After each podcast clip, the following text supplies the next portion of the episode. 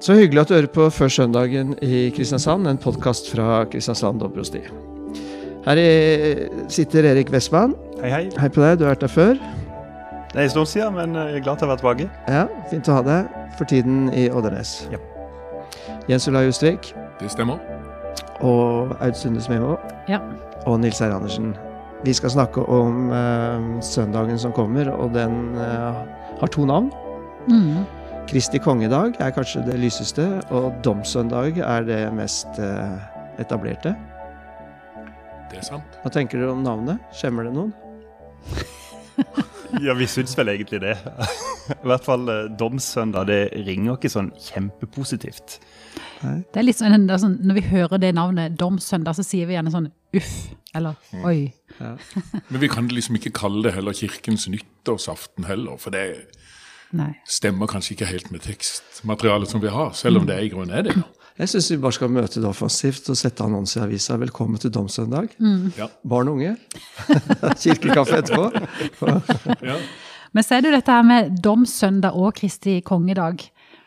Det, er- det, det, det er ikke to navn som på ingen måte harmonerer, egentlig. Og det kommer vi til å komme til i samtalen òg.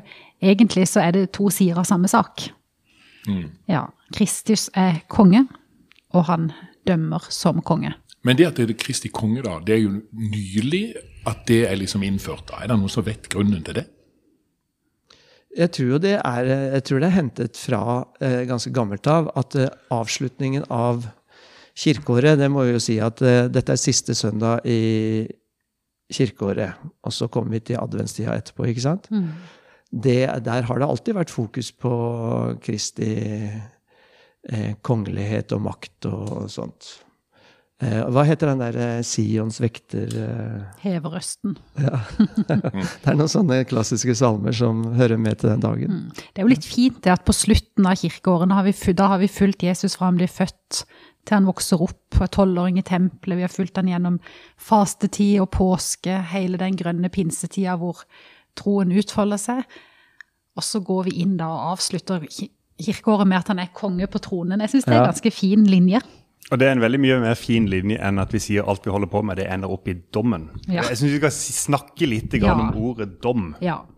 Ja. Dom er ikke nødvendigvis et godt ord. Det vekker veldig mange kjipe assosiasjoner, og jeg kjenner mange som, eh, som hører dette ordet, og så får man angst, rett og slett. Eh, forkynnelse som har fortalt at du må passe på her, nå. Så må du være klar og ha alt ditt i orden, og du må tenke rett, og du må tro rett. Eh, og, og jeg syns det er en utrolig kjip greie å møte eh, folk som forteller det. Eh, Min holdning til dommen dette høres ganske snålt ut, men jeg tenker når, i en kristen setting dommen den er god, den. Eh, hvis ikke det fantes et oppgjør med det onde, hvis ikke det fantes et håp der framme om at verden skal bli bra, så er det eh, mye vanskeligere. Men vi må tenke, og, det, og sammenhengen mellom dommen og, og kongs, eh, eh, Kristi kongedag, det er jo heldigvis så er det Gud som skal dømme. Det er ingen mennesker som skal dømme, det er Gud som skal dømme. Eh, og jeg tror på en god Gud, jeg tror på en rettferdig Gud. Eh, så dommen er noe annet enn at vi blir pekt på å si du er et elendig menneske. Det er et oppgjør med alt det vi blir utsatt for, og alt det vi også er med og utsetter andre mennesker for. Men, men eh, jeg syns ikke det er rart at det er mye frykt rundt temaet dom, for, for nå har vi en tekst som vi snart skal komme til, som er fra Johannesevangeliet. Men de to andre tekstrekkene som handler om dom, det er den ene om ti brudepiker, hvor fem av de får beskjed av den tydelige Kristusfiguren 'Jeg kjenner deg ikke'. Og så kommer den andre tekstrekka, og det er jo eh, 'Hvor var du da jeg var i fengsel? Hvorfor ga du meg ikke mat når jeg var sulten?' Og så blir altså disse, alle disse fårene delt i to. En på den ene sida og en på den andre. Så, så det er jo ganske sånn dramatiske tekster som vi har om dom. Det er Men, men de faller sammen med så veldig, veldig mange andre tekster om dom. Men, men, men er det så Nå får jeg bare ta den posisjonen. da, Er det så ille at vi er redd for Trenger vi mennesker å frykte noen ting? Jeg tror du er inne på noe der, Nils. For det, jeg tror det at det spørs Når vi snakker om dom nå, så snakker vi øh, det, kan, det, det er kanskje lett å sitte og prate om, men åssen gudsbilde er det vi har? Hvem er det som skal ta den dommen? For det er jo her vi kommer opp. Og det er jo her angsten begynner å ta oss. Og da tenker jeg liksom sånn Der sitter kanskje folk Noen har en grei gud. Og noen har en som er helt ok, de kan liksom ta den med seg og enn det skulle være. Men andre sliter seg mest i hjel. Og i psykologien så er det jo liksom dette Vi nevnte jo det før i stad, at eh, det er liksom Har du hatt en streng far, så får du en streng gud. Altså, bare vent til pappa kommer hjem. Altså, Det er mange, mye, mye som, bilder som ligger der. Mm. Og derfor så Kanskje denne søndagen er også viktig å slå i stykker gudsbilder når vi skal snakke ærlig og sant om en dom. Mm. Fordi at eh, her er det mye traumatiske opplevelser for folk. Det er helt sant. Hva slags bilder av Jesus eh, henter dere fram da, hvis eh, Trenger man å hente fram på en sånn dag? Altså, det er jo det, er det samme om vi kaller det Kristi kongedag eller domsøndag. Det er veldig viktig hvem som holder dom, og det er veldig viktig hvem som er konge i så fall. Hvis det hadde vært en uh, annen fjott, så hadde vi ikke feira den dagen. Men hva slags bilder av Jesus er det som er viktig å hente fram i en sånn dag, da? Altså, nå har vi gått et kirkeår. Det er jo det som du var inne på, Aud. Det er det som er så vakkert med kirkeåret. Vi går runde på runde på runde på runde med kirkeåret som kretser rundt Jesu liv. Hva slags minner fra det året er det som må trekkes fram på en dag som dette? Skjønner du spørsmålet? Jeg skjønner det. Og vet du hva? Vi kan trekke fram Jeg tror det er veldig rett denne søndagen å trekke fram det som første søndag i advent begynner med. At han som kommer, kommer med rettferdighet. Rettferdighet og nåde. Og, og du, kan, du, spurte Nils Terje gjør det egentlig noe om vi går rundt og er litt redde. Og jeg tenker at uh, det gjør ingenting om jeg er litt redd, og om jeg kjenner et ubehag for å stå for min Gud én gang, og også for så vidt hver eneste dag å, å bli konfrontert med alle jeg gikk forbi, eller alt, alle de valgene jeg tok som, som, gikk på bekostning av min neste, det, det er en dom som gjør meg til et helere menneske. Jeg vil gjerne møte den dommen. Ja, det, det er så i stand til å ta tak i de tingene som ikke er bra. Ja. Jeg vil svare litt på spørsmålet ditt, Nils. Eh, jeg begynner med skapelsen, skapelsene. når jeg tenker på hvilken gud er dette med. Gud som skaper hele verden. Det er kreativitet, det er kjærlighet. Gud ser tilbake igjen og ser at det er godt. Etter at han har skapt mennesket, ser han tilbake igjen og ser at det er svært godt. Da eh, kan jeg hoppe til Jeremia, eh, hvor Gud sier 'Jeg vet hvilke tanker jeg har for dere, fredstanker ikke ulykkestanker'. Eh, så hvis dommen gir oss ulykkestanker, så tenker jeg da er det ikke fra Gud. Gud gir fred, han gir framtid og håp.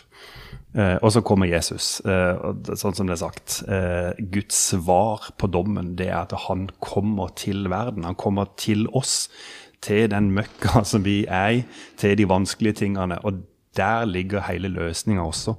Når Gud dømmer, så blir vi dømt og tilgitt og frikjent fra den parallellteksten, eller fra, fra, fra Gamle testamentteksten i dag, så, så, begynner han med Jeg har satt foran dere livet og det gode, døden og det onde. Og hva velger vi der? Det er ganske åpenbart. Det er den guden som jeg tar med meg. Han som setter fram for oss livet og det gode. Han som ønsker det for oss. Mm. Og som også da justerer oss underveis. Og som justerer oss. Mm. Det er superviktig, for vi trenger den justeringa. Mm det sier noe, Denne søndagen sier oss jo også noe om hvor viktig livet er. Livet er faktisk så viktig at vi må ta ansvar. Ja. Og jeg, det er noe med eh, Jeg er helt med på det du sier, eh, Erik, men det er noe med eh, Bjørneboe. Jeg vet ikke hvor jeg har hørt det sist. Hvem er et menneske og ikke skyldbevisst? Og så sier han Hvem er et menneske som ikke vet at han bør frykte all rettferdighet? Ja. Det ligger en litt sånn det, Du sa at han kommer med rettferdighet. Det er jo også utfordrende når man tenker på den urettferdige verden vi lever i og i høyeste grad er en, en del av. Eh, jeg, jeg, tror jeg på en måte tenker nå at jeg vil møte han fordi det, det, er så utrolig mye godt med skapelsen og med, med, hans komme til jord. Vi så hvem han var. ikke sant? Han vil oss vel. Men også med en eh, litt sånn eh, skjelvende tilnærming. Hva er, det han, hva er det han vil si til meg? Kanskje. Kanskje mm. bare den dagen i dag. jeg vet ikke. Håpet mitt det er at Guds rettferdighet er ganske mye større enn det jeg klarer å forestille meg. Mm.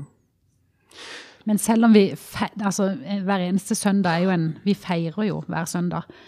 Og selv om vi nå kan si at dommen også er veldig god, og rettferdigheten skal, skal En dag skal rettferdigheten seire, så, så er det jo noe vi kjenner litt skjelving for. Og det tror jeg er en del av vår kristne tro. Vi, vi går med bøyd hode, og vi må knele foran dette temaet. Og det har vi bare godt av. Jeg liker inngangen på gudstjenesten. Eh, vi begynner med å bli ønska nåde og fred. Det er der Gud møter oss. Og så begynner vi med Kyrie, den blinde Bartimeus. Da har vi teksten igjen. Eh, vi roper som han, hjelp oss, frels oss. Eh, og for de av oss som har synsbekjennelsen på begynnelsen, så er dette et sted hvor vi legger av oss hele møkka. Det vi blir utsatt for, og det vi sjøl er skyldig. Og så er Guds svar han kommer til oss. Og så synger vi som englene ære være Gud i det høyeste. Og da nærmer vi oss jula. Og det er det kretsløpet som vi gjør i kirkeåret, og det er det kretsløpet som vi gjør hver søndag. Jeg syns det er en veldig god ting. Det tar ikke fra oss den, den skjelvinga, og det syns jeg ikke det skal gjøre. og Derfor så trenger vi den dommen. Men Guds møte med oss, det er fred, nåde og kjærlighet. Eh, kan jeg få lov til å si noe? Jeg det bare betrakter det dere sier nå. For det, jeg har av og til tenkt disse domstekstene, eller disse tekstene som handler om dette jeg vet ikke om jeg blir litt sånn, jeg blir litt sånn matt av det, men jeg har av og til tenkt at dette, disse tekstene er for meg Guds kjærlighetsbevis til oss mennesker. Han roper inn i vår tid. Er skapte, er villete. Far ikke vil. Tenk på hva jeg har tenkt for livet ditt. Og Derfor så føler jeg liksom sånn at eh, vi kan gjerne si, og, og vi roper Kyrie, og vi går rundt og, og bulrer i vårt eget liv, et eller annet sånt, men jeg har så lyst til at det skulle være et gudsbilde som kan snakke alvor til oss, men som ønsker inderlig å løfte oss opp. Og den uh, teksten som er i, uh, i Mosboka, som, som, som, som, er, en av, som er gammeltestamentlig-teksten Velg livet, sier Moses. Mm. Velg livet. Hva vil dere velge? Og Derfor så føler jeg liksom sånn at det, det er en slags svanger gud av kjærlighet, som 1. Johannes poengterer så godt. Gud er kjærlighet. Det er jo dette han vil for oss. At ikke vi skal fare vill på disse tingene og bomme. Slik at vi blir fratatt vår menneskelighet. Og Derfor så opplever jeg denne, denne søndagen egentlig et lite sånn dette er, dette er, virkelig sånn eksistensielt. Det ligger i bunnen av den gudsforståelsen som jeg skulle ønske vi kunne løfte fram. Ja, det som i alle fall har eh, ødelagt mye eh, for eh, synet på dommen, er jo disse voldsomme utsiktene til himmel eller helvete. Altså selve om jeg skal kalle det straffeutmålingen. Det har jo hatt alt fokus i flere tiår. Og derfor så, så har vi snakka lite om selve dommen. Fordi man liksom hopper bukk over den, for man blir opptatt av resultatet av den til slutt. Men i en gudstjeneste så er det jo bare fokus på selve dommen gjennom synsbekjennelsen og ordene som leses for oss. Og så sendes vi ut i verden. Mm. Og i trosbekjennelsen, hvor vi sier mm. at vi tror på Han som skal komme igjen og dømme levende og døde. Mm. Ja, Samtidig så er vi jo godt innom løsninga vår som mennesker på dommen, fordi at vi kommer til nattvær. Gud møter oss med nåde i nattvær han tar jo hele dommen på seg. Det er jo grunnleggende i vår tro. Og så er det noe med å ta på alvor Jeg, Jeg, jeg liker menneskesynet som henger sammen med dommen, fordi det tar mennesket på alvor, sånn som du er innom Jens Olai. Mm. Vi, er, vi, vi, må, vi er, ansvarlige mennesker. Vi er, ansvarlige mennesker, eh, vi kom, men vi kommer aldri til bunns, og vi kommer aldri fullt ut til å klare dette. Og der kommer Gud i møte, kommer oss i møte med et rungende ja og med vide, åpne armer. Mm. Men bare for å være litt vanskelig, vi må snart lese teksten. Men når vi kommer trekkende inn med hele verdens ondskap, altså, så blir også dette, dette gode gudsbildet vanskelig. For gjelder all den nåde vi viser oss selv, gjelder den de verste djevlene på jord, liksom?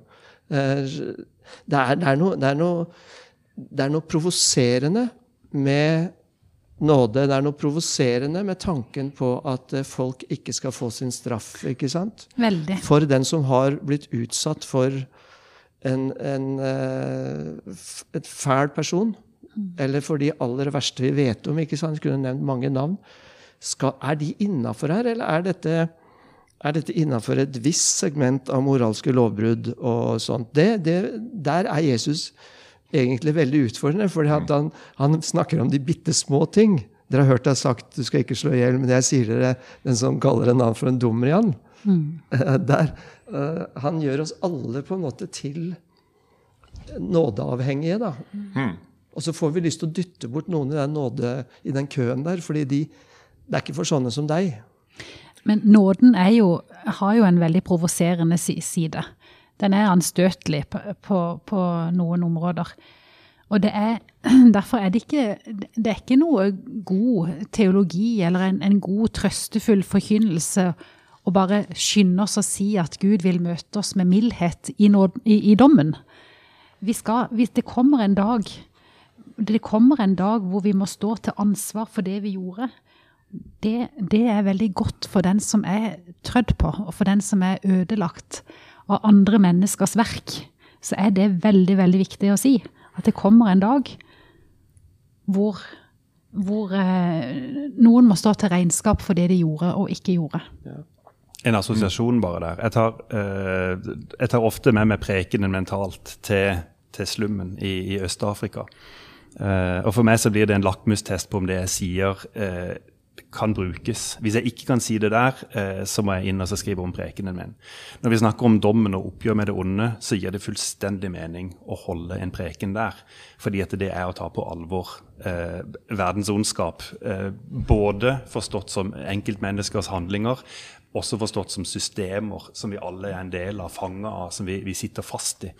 Um, men nåden kommer inn. Og hvis vi skal prøve å sette grenser på nåden, det er en helt menneskelig trekk, men hvis vi skal prøve å sette grenser for nåden, så er faren veldig fort at vi skjærer oss sjøl også ut forbi. Og veldig.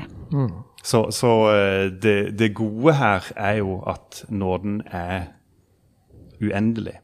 Men jeg, og da er vi også en del av det. Men jeg tror jeg, jeg, vil også utfordre deg litt på det. Jeg tror ikke du bare går, bør gå til Soveto for å, å, å, lese den for å finne den lakmustesten. Jeg tror egentlig vi kan gå i vårt eget hjerte, i vår egen barm, og se hva som egentlig skjuler seg der. Jeg tror det er mye rart i vår verden. Her sitter vi, verdens rikeste nasjon, kanskje, og har det kjempefint. Men vi klarer å sitte og se på at verden halter, og folk har ikke mat. Folk sulter, det kriges en masse, og vi sitter og har vår hyggelige fredagstaco med våre barn og syns livet er veldig flott. Gå inn og ser på Dagsrevyen, kommer ut og har sett et fillerista Ukraina. Og allikevel så trekker vi opp ei god flaske vin og sier nå skal vi kose oss i kveld. Det er en slags altså, livets eh, det er nesten uutholdelig lett, det vi holder på med. Så, så altså, Dommen fins så mange steder der vi fodrer oss, vi mennesker. Og Derfor så blir vi litt sånn ydmyke overfor dette. For jeg, sitter, jeg, jeg, jeg føler Altså, vi sitter i suppa hele gjengen. Mm. Det er vel egentlig det det er. Det høres veldig negativt ut, dette. Jo, men, det men, det, men, det, men, det, er noe med å kunne si at eh, denne teksten virker inn på meg òg altså, er en del av denne her greia, og derfor så gjør det meg litt Det, de gjør meg både trist og det gjør meg det, altså, Man kan kjenne på så mange ting. Jeg siterer ofte Lavrans, altså Kristin Lavransdatter. Og jeg, jeg, jeg, tror det er riktig. Lavrans far til Erlend. når han har Far til Kristin. Ja, far til Kristin. Så, og, og, så Erlend, så, eh, og, og Erlend og Kristin, Kristin som hun blir gravid av et eller annet, og det er jo et vanvittig kaos på den tida. Men da sier gamle Lavrans han kunne ikke dømme Erlend så hardt, for han kjente selv hvordan det var å, å være et menneske. Og bare det blott å være et menneske er en utfordring. Og der trenger vi nåde. Mm. Og jeg tror ikke vi behøver å gå verken til ja, vi kan nevne mange ting, men ja. der er Det er komplisert, dette, for vi trenger jo av og til å lukke døra, spise taco og trekke opp en flaske vin med barna. Ja, for, for, å for å, å, å leve. Mm. Ja. Så det er komplisert. Nå sa du du trenger den tacoen og trekke opp en flaske vin med barna, sa du. Ja. Jeg, jeg tenkte jeg skulle kommentere det, men takk for at du tok veldig feil. Jeg prøvde bare å sitere Jens Olai, som, eh, som, innrømmer dette her. Nei, men du... Vi er så voksne nå at nå Nei, det er jo det som skjer. Det det som skjer. Prøvde bare å anerkjenne litt. Ja, Vi må komme til denne teksten. Eh, Det er jo Var det du som sa det, Erik, tidligere i dag, at det er Bibelens lengste Eller Nytestamentets lengste fortelling? Ja, det var Jens Olai som, Jens som sa det, men jeg tror han har rett. Det er, det er en veldig gøy altså Hele kapitlet her er jo en veldig gøy eh, fortelling. Ja, det er det. Det er en mann som blir eh, helbredet. eh, Han er blind. Født blind, ja. Født blind, ja. Og så blir han dratt inn til tre forhør hos fariseerne, for at de syns ikke dette de tro, Det er jo også sånn at mennesker for 2000 år siden ikke alltid trodde på undere. Vi har en sånn idé om at de var var veldig magiske, at de trodde på alle mulige ting. Men de tror ikke på det. De tror han, eh, han ljuger, og så er de veldig utfordra at det er Jesus som har gjort det. Og så er det en episode i denne fortellinga da fariserene går på foreldrene til gutten. Og så sier de nei, vi må høre med han sjøl, han er gammel nok. For de er livredde for å bli konfrontert med Ja. det religiøse lederskapet. Så det er så mange sånne irrganger. Ja. Ja, det er det. Men det begynner jo med at disiplene tror at en mann som er født blind, må ha, er blind fordi at han eller foreldrene har synda. Ja. Så dette er jo en veldig fordømt mann. Han er fordømt av disiplene og deres tro, og han er, blir fordømt av fariseerne siden han er eh, blitt helbreda. Så han, han går rundt der og er kommet for dommen. Og hvorpå Jesus uh, sier han det, det, det Der orker han ikke å høre på seg. Han sier 'ingen har syndet', sier han. Mm. det, Ja. dette, han sier. Men hvem er det som skal lese teksten? Så er dette mot slutten av den fortellingen. da, ikke sant? Vi kommer inn nå fra Johannes 9. Ja, for Han blir jo hevet ut av synagogen til slutt, Ja. den her uh, mannen som ikke lenger er blind. da. Uh, f- fordi han, ja, han peker vel på Jesus og sier kanskje dere, skal, dere også skal begynne å følge han. Det, da, da ble det nok. Da ble de hevet ut. Og så hører Jesus dette, og da kommer vi da inn i, inn i dagens tekst. Da sa Jesus, til dom er jeg kommet til denne verden. Så de som ikke ser, skal bli seende, og de som ser, skal bli blinde. Noen av fariseerne som sto der, hørte dette og sa til ham, Kanskje vi også er blinde? Jesus svarte, Var dere blinde, hadde dere ingen synd. Men nå sier jeg dere, vi ser. Derfor blir deres synd stående. Da skjønner jeg hvorfor vi brukte litt tid på, på innledninga. Det er en ganske det er en knallhard tekst, altså. Ja. I de syv dødssyndene så er det vel hovmodet som er den første. Og da kan jeg tenke, Når jeg leser eh, denne teksten, her, så tenker jeg fariseerens hovmodhet. Ja, det er ikke bare de som har hovmod, men uh, jeg syns det er litt interessant. Ja, og De er jo ganske sarkastiske her i teksten. Kanskje vi også er blinde? Ikke sant? Om det skulle være som ei svær bombe. Eller?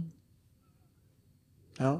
Der, der går han jo litt sånn forvirrende ut vekk fra det fysiske som var i utgangspunktet eh, der. Han var jo eh, Det å være blind da var sånn at du ble holdt utenfor arbeidslivet, og du var helt avhengig av andre menneskers økonomiske hjelp og sånne ting.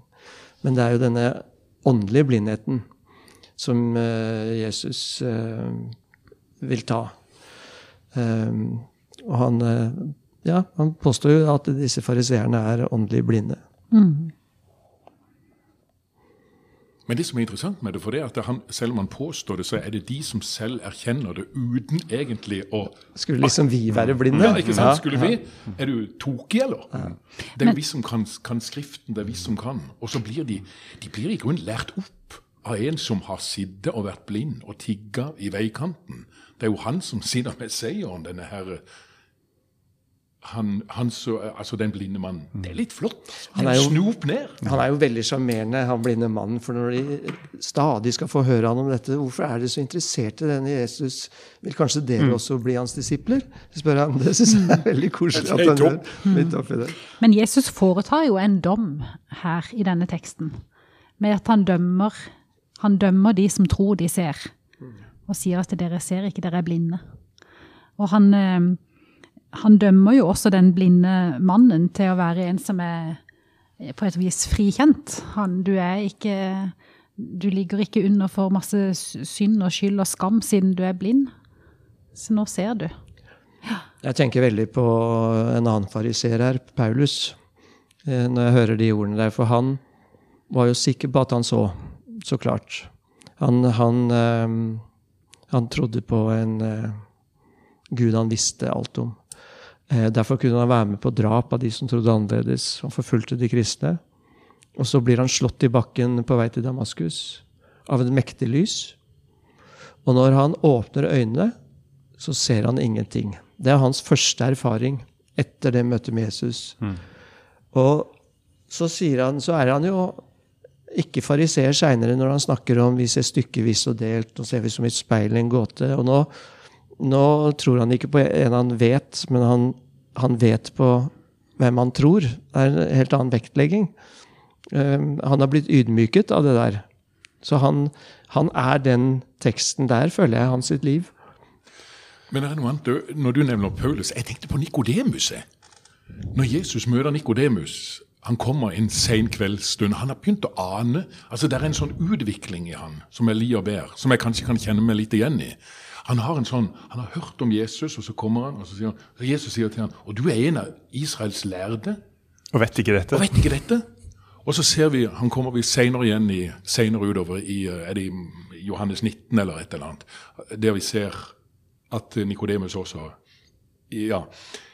Uh, og jeg, jeg, tenker liksom, det, det, er en utvikling her, det er en oppvåkning. Mm. Og det, er litt den. Og kanskje er det en viktigere ting å si istedenfor Ikke alle vil oppleve det som Paulus, men denne opplevinga fra å kanskje kjennes altså sin blindhet mot det å se.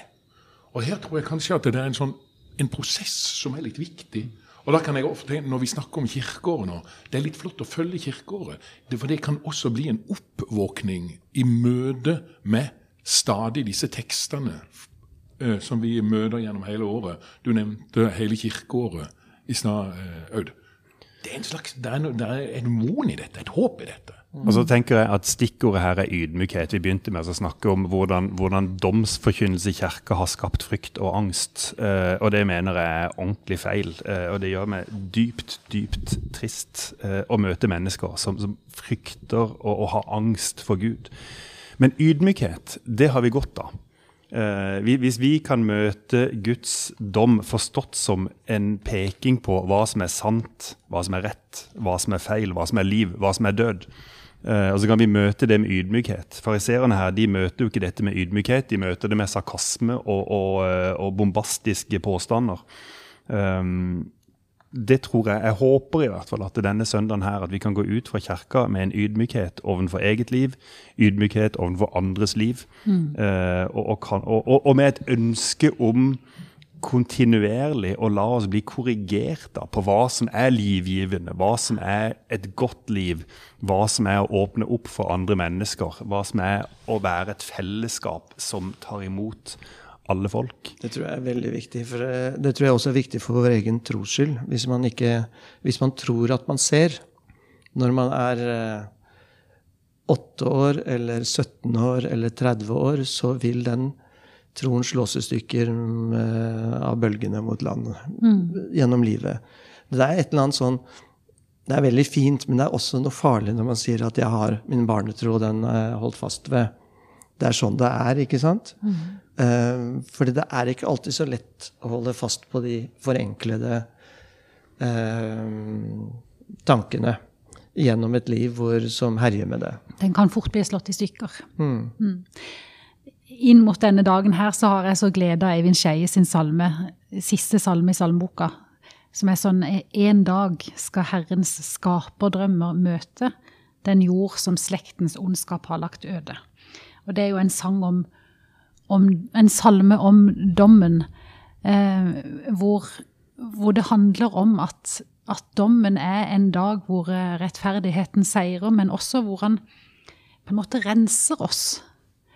Eh, og at vi blir den som vi var skapt til å være. I en annen av disse domstekstene som vi har andre, dom, andre domsøndager, så, så eh, andre år, andre år, så, så er det en setning hvor han sier til til noen som har feila, så sier han 'jeg kjenner dere ikke'. Altså, Det er ikke sånn som dette. Jeg kjenner dere. Og, og i dommen, både den dommen som kommer en dag, men også den daglige dommen som vi lever under, så er det jo at Jesus etterspør den vi var skapt til å være. Og Karen Dixon, eh, hun sier eh, hun sier at dommens dag det er en dag hvor maskene faller hvor menneskers maske faller, og hvor Guds maske faller, sånn at vi får se han sånn som han er. Og dette er veldig kult, for Ja. her, her får vi jo da med både den store, store historielinja som begynner med skapelsen, og som slutter med at Gud skal gjenopprette. Og gjennom hele den historia så går Guds kjærlighet som ei bue over, eller som en rød tråd gjennom livet vårt. Og så har vi den daglige, at vi, vi ser litt av Gud, vi ser litt av det gode livet, og så tenker jeg at vi sammen kan minne hverandre på de tingene vi har sett. Ja. For det, altså, tilbake til den salmen, altså Herren skaper drømmer. De er jo ikke bare for en dag langt der framme, de er jo for hver eneste dag vi lever. Nettopp. Ja, det skjer hele veien. Guds Herren rike skaper drømmer er for hver eneste dag. Og Guds rike lever vi nå. Ja, det bryter gjennom. det bryter gjennom. Og en dag så skal vi liksom se det fullendt når, Mm. når, eh, når alt ondt er, er trødd Mm. under fota, for å bruke det der kongeuttrykket. Jeg syns det er egentlig en ganske fint perspektiv å lande igjen. For nå har de Vågsby kirke har eh, begynt å dirre i sine grunnvoller. Fordi de, ikke billig talt, men de driver og borer her. Så, og vi har nådd halvtimen. Men er det noe som eh, det, er, det er veldig mye som burde vært sagt, men er det noe som dere brenner inne med? Nei. Jeg syns kanskje bare den uh, korinterteksten, som også skal leses nå på søndag, da Gud skal bli alt i alle en dag. Det er jo et mysterium rundt akkurat det begrepet som er brukt der. Og det er liksom Jeg tror ikke vi skal gå så pløye så dypt i det, men jeg syns det er en sterk tanke. Og en slags uh, Vi kan grunne litt på det, noe, noen hver av oss. Fordi at dommen er ja, vi møter oss sjøl, og vi kan gjøre oss refleksjoner rundt det. Men det er jo en sterk eh, påminnelse om at kanskje en dag blir han alt i alle. Og så Og møter, vi da skal det være ydmyke mennesker som Ja. og så møter vi heldigvis Gud i dommen. ja. Kan du lyse velsignelsen, Jesulei? Det kan jeg gjøre. Ta imot velsignelsen. Herren velsigne deg og bevare deg. Herren la sitt ansikt lyse over deg og være deg nådig. Herren løfte sitt åsyn på deg og gi deg fred. Amen.